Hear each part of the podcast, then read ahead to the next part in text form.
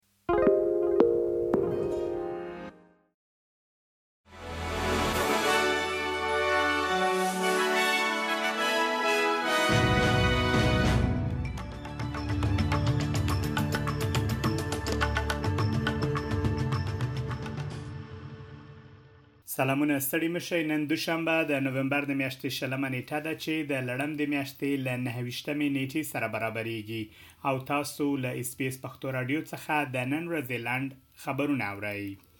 اسرائیل او حماس ممکن د يرغمل شویو خوشې کولو هوکړې ته نږدې شي د سپینې ماڼۍ یو استازي اشاره کړې چې په راتلونکو ورځو کې به په غزه کې د اسرائیلي برمته شویو د پام وړ شمیر خوشې شي په امریکا کې د اسراییلو سفیر مایکل هرزوک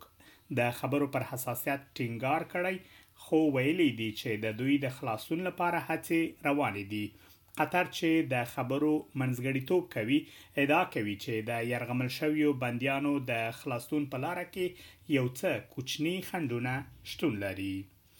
د استرالیا لومړی وزیر انتوني البنیزي د اپیک په سرمشریزه کې له ګډون وروسته له انتقادونو سره مخ دی. پر ښاغلي البنیزي انتقاد دا دی چې د چین له ولسمشر شي جین پین سره تر لیدنې پورې یې د چین د سمندري ځواکونو لخوا د استرالیا پرسونل باندې د برید توضیحات پټ ساتلي دي. پخواني لومړي وزیر او په متحده ایالاتو کې د استرالیا سفیر کیون راډ د اپوزیسیون د انتقادونو پر وړاندې د ښاغلي البنيزي د چلند دفاع کړې ده. هغه وايي چې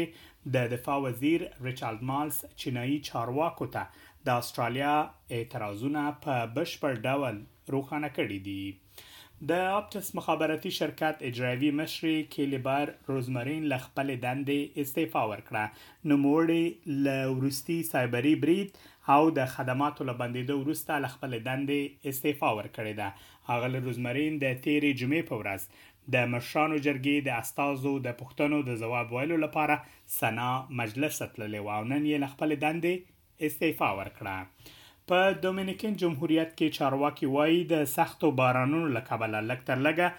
یوویشت کسان وژل شوي او زرګونه اوسېدونکي بې کوره شوي دي. طوفاني بارانونو په دغه هېواد کې له دیارلس زره څخه ډېر خلک بې ځایه کړي او د برېښنا د بندېدو ترڅنګ یې کورونه او زیربناو ته زیان اړولی دی. پولیس وايي چې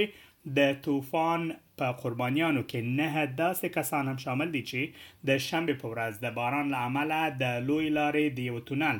د دېوال د نړېدو له امله وژل شوي. او اسټرالیا د شپږم ځل لپاره د کرکټ نړیوال جام وګاټه د 2023 کال د کرکټ نړیوال جام وروستۍ لوبه کې اسټرالیا د هند لوبډلې ته په شپږ ویکټو ماته ورکړه او یو ځل بیا یې اتلولي په خپل نوم ثبت کړه اسټرالیا د هند لخوا د 241 منډو ټاکلی هدف په 3 څلوېښت اورونو کې پوره کړ استرالیا تر دې وړاندې د نولس سوه او اتیا، نولس سوه او نهه نوي، دوه زره او درې، دوه زره او اووه او دوه زره او پنځلس کلونو په نړیوال جامونو کې هم نړیوالو جامونو کې هم بریا په خپل نوم ثبت کړې ده. دا وه د نن ورځې لنډ خبرونه چې ما مجيب منيب تاسو ته وړاندې کړل. تر بیا مو الله مل شه.